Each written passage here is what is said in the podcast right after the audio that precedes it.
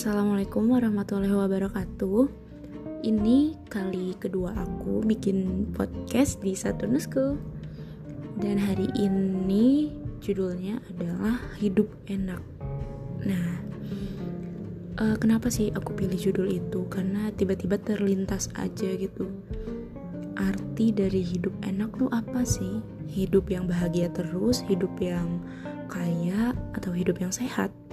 atau mungkin bukan dari ketiga itu. Oke, okay.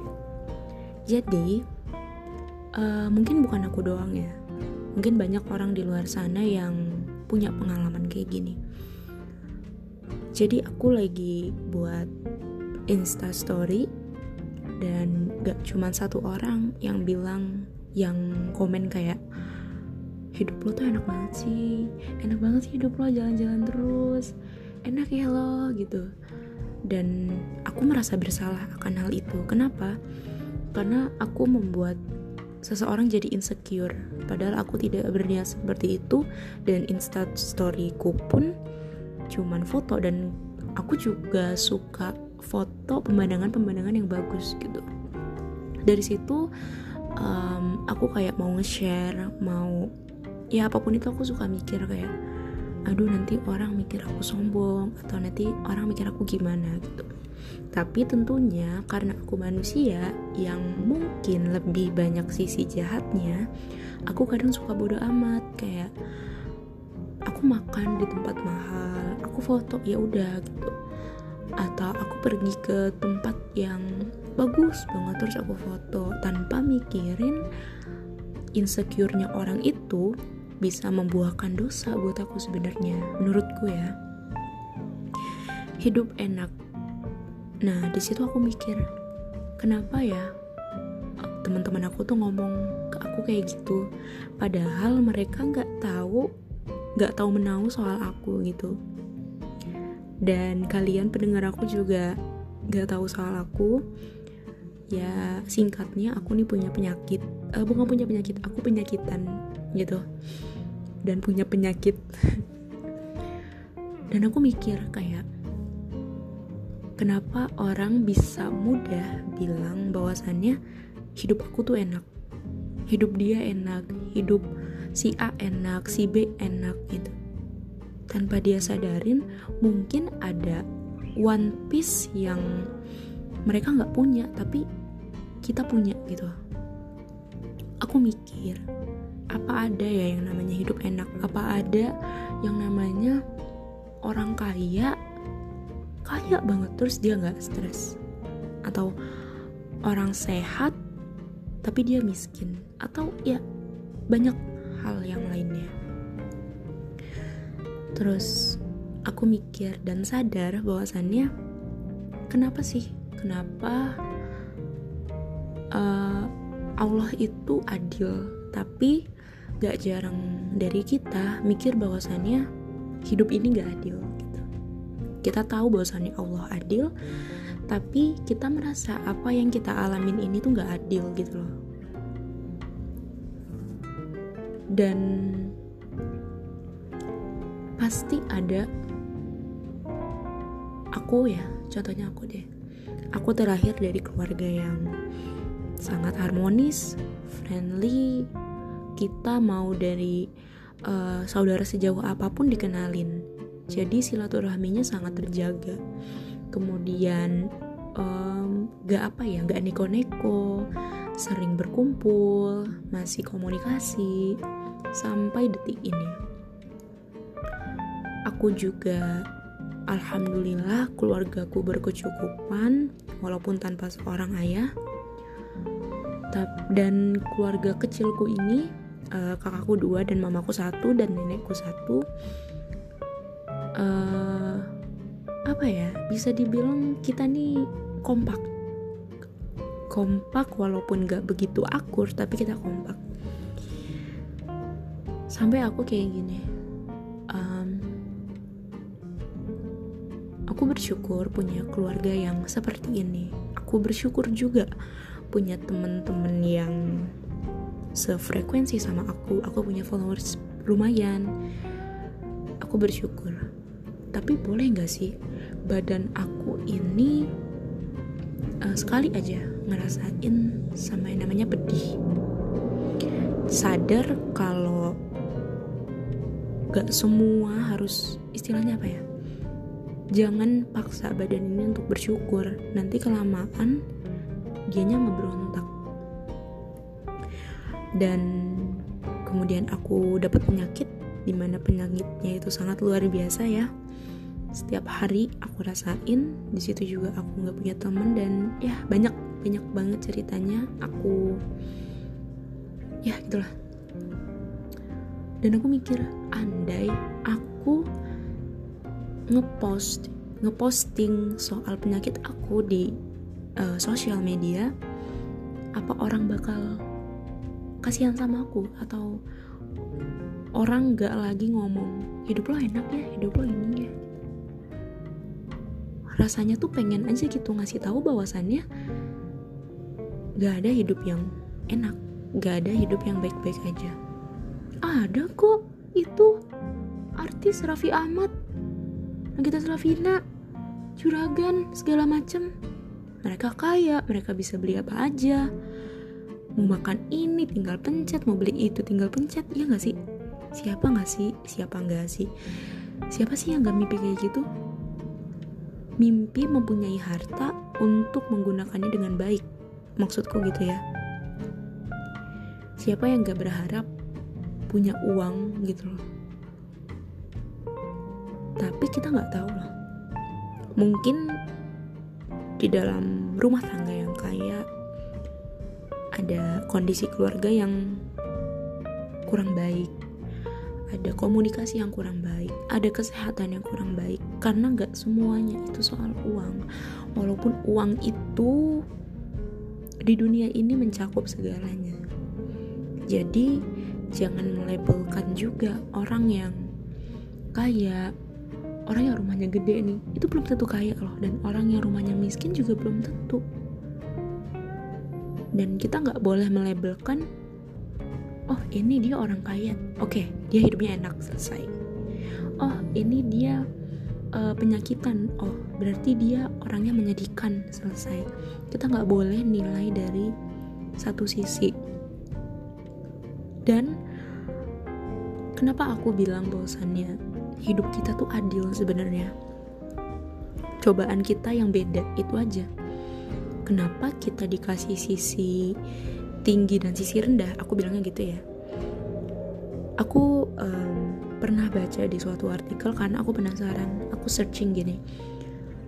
Apakah semua maaf ya karena aku muslim jadi aku cuman ngomongin yang muslim. Apakah semua orang muslim akan masuk ke neraka dulu baru ke surga? Kayaknya aku nonton di YouTube deh Ustadz siapa gitu terus beliau bilang kayak gini benar seseorang itu akan dihapuskan uh, dosanya di api neraka. Tapi, nah, tapi penghapusan dosa itu nggak cuma di api neraka loh. Bisa aja semasa kita hidup. Bisa aja kita di alam barzah. Jadi dari kita lahir, dari kita balik, kita kan sudah menanggung dosa sendiri.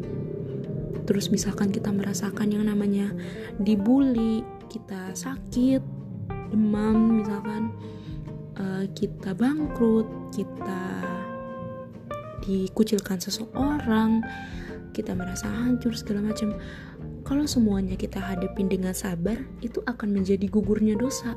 Makanya ada hadis yang bilang e, kalau kita demam jangan apa ya jangan ngegertak kayak aduh kenapa sih gue demam ya? Gue nggak bisa kerja tapi istighfar sabar, besok akan sembuh. Positif aja pikirannya. Dan aku sangat-sangat setuju akan hal itu. Perjalanan kita dari balik sampai kita di uh, apa namanya surga nanti, pintu antara surga dan neraka itu perjalanannya insya Allah akan menggugurkan dosa-dosa kita gitu loh. Dan uh, apa di dunia ini mending dosanya tuh dihapus di dunia deh daripada di akhirat. Kayak kamu ngerasain yang namanya ya banyak lah pokoknya. Mental kamu hancur uang gak ada segala macem. Itu menurutku juga yang namanya pengguguran dosa. Kalian sering gak sih ngelihat kayak orang-orang uh, orang-orang tua umur 80 tahunan itu ada beberapa orang yang sakit dulu di rumah sakit dulu. Lama banget. Dan gak sedikit orang yang bilang bahwasannya mereka itu sedang dihapus dosanya. Terus apa bedanya sama kita? Kita juga merasakan sakit kita juga merasakan uh, pedih derita. Berarti yang kita lakuin apa dong? Kita harus ikhtiar ikhtiar tuh dalam arti pasrah ke Allah gitu. Sama kayak uh, orang-orang tua di sana. Gak hanya orang tua ya cuman ini aku contoh aja. Mereka sakit tapi mereka nggak ngegertak karena dari segi umur dari segi mereka sudah ikhlas mereka sudah ridho apa pun nanti jalannya gitu. Mereka ikhlas jalaninnya. Dan itu yang maksud aku hidup enak itu nggak ada. Kenapa? Depannya aja udah kata hidup. Ya gak sih? Menurut aku orang yang terlahir ke dunia ini adalah orang yang harus siap uh, menerima challenge menerima segala hal yang ada. Karena setiap detiknya pasti akan beresiko. Tapi kita pun orang yang dikasih kesempatan untuk hidup itu harus bersyukur, bisa merasakan hidup, bisa merasakan indahnya dunia yang istilahnya titik dari surga gitu loh. Setitik doang. Gimana nanti surga gitu kan? Indahnya dunia, kita bisa bertemu dengan orang segala macam jadi perjalanan kita ini istilahnya ya apa ya um, kalau lagi di bawah ya sabar kalau lagi di atas ya sabar gitu kita lagi wah kita dapat gaji. Terus um, apa? Penghasilannya lagi banyak nih. Wah pengen beli makanan ini pengen beli makanan itu. Lupa lupa infak lupa sodako segala macem. Karena apa karena kita kurang sabar. Kita kurang sabar sama nikmat yang ada kita kurang sabar sama uh, ujian yang ada gitu. Dan balik lagi aku ingetin bahwasannya gak ada satu orang pun yang hidupnya enak di dunia ini. Yang ada adalah orang-orang yang bersyukur. Mereka apa ya? Aku juga gak ngerti gitu loh sama orang yang luar biasa gitu. Maksudnya mereka sadar bahwasannya mereka bukanlah milik mereka. Diri diri mereka ini bukan milik mereka gitu tapi milik Allah dari segi rezeki jodoh dan maut itu udah ditentukan. Rezeki itu yang selalu jadi patokan. Kayak wah nih ada nih orang yang kerjanya cuman ini tapi gajinya 50 juta. Sedangkan gue kerja pagi ke pagi gaji cuma 3 juta. Ada gak sih rasa nyesek iri? Itu pasti ada. Aku jujur aku mungkin ada ya rasa kayak gitu tapi kalau kita bisa sabar memahami apa yang terjadi gitu loh. Jadi oke okay, aku ngerasa iri. Tapi aku pelan-pelan sabar uh, tarik nafas.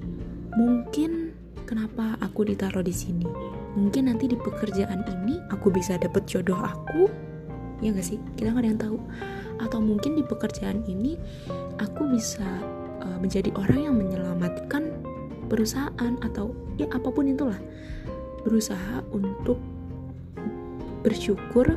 Nah dari bersyukur itu kita bisa positive thinking. Dari positive thinking itu kita bisa menilai bahwasannya hidup ini udah gini-gini aja kok. Maju mundur maju mundur maju mundur. Dan pada akhirnya cuma ada dua pilihan. Di dunia ini mau ngegugurin dosa atau mau nambah dosa gitu loh dan insya Allah semuanya itu mulai pelan-pelan dari rasa sabar akan semua hal yang terjadi ikhtiar aja kalau kata seseorang yang pernah ngomong ke aku, ikhtiar aja sama semuanya. Oke, makasih untuk hari ini. Wassalamualaikum warahmatullahi wabarakatuh.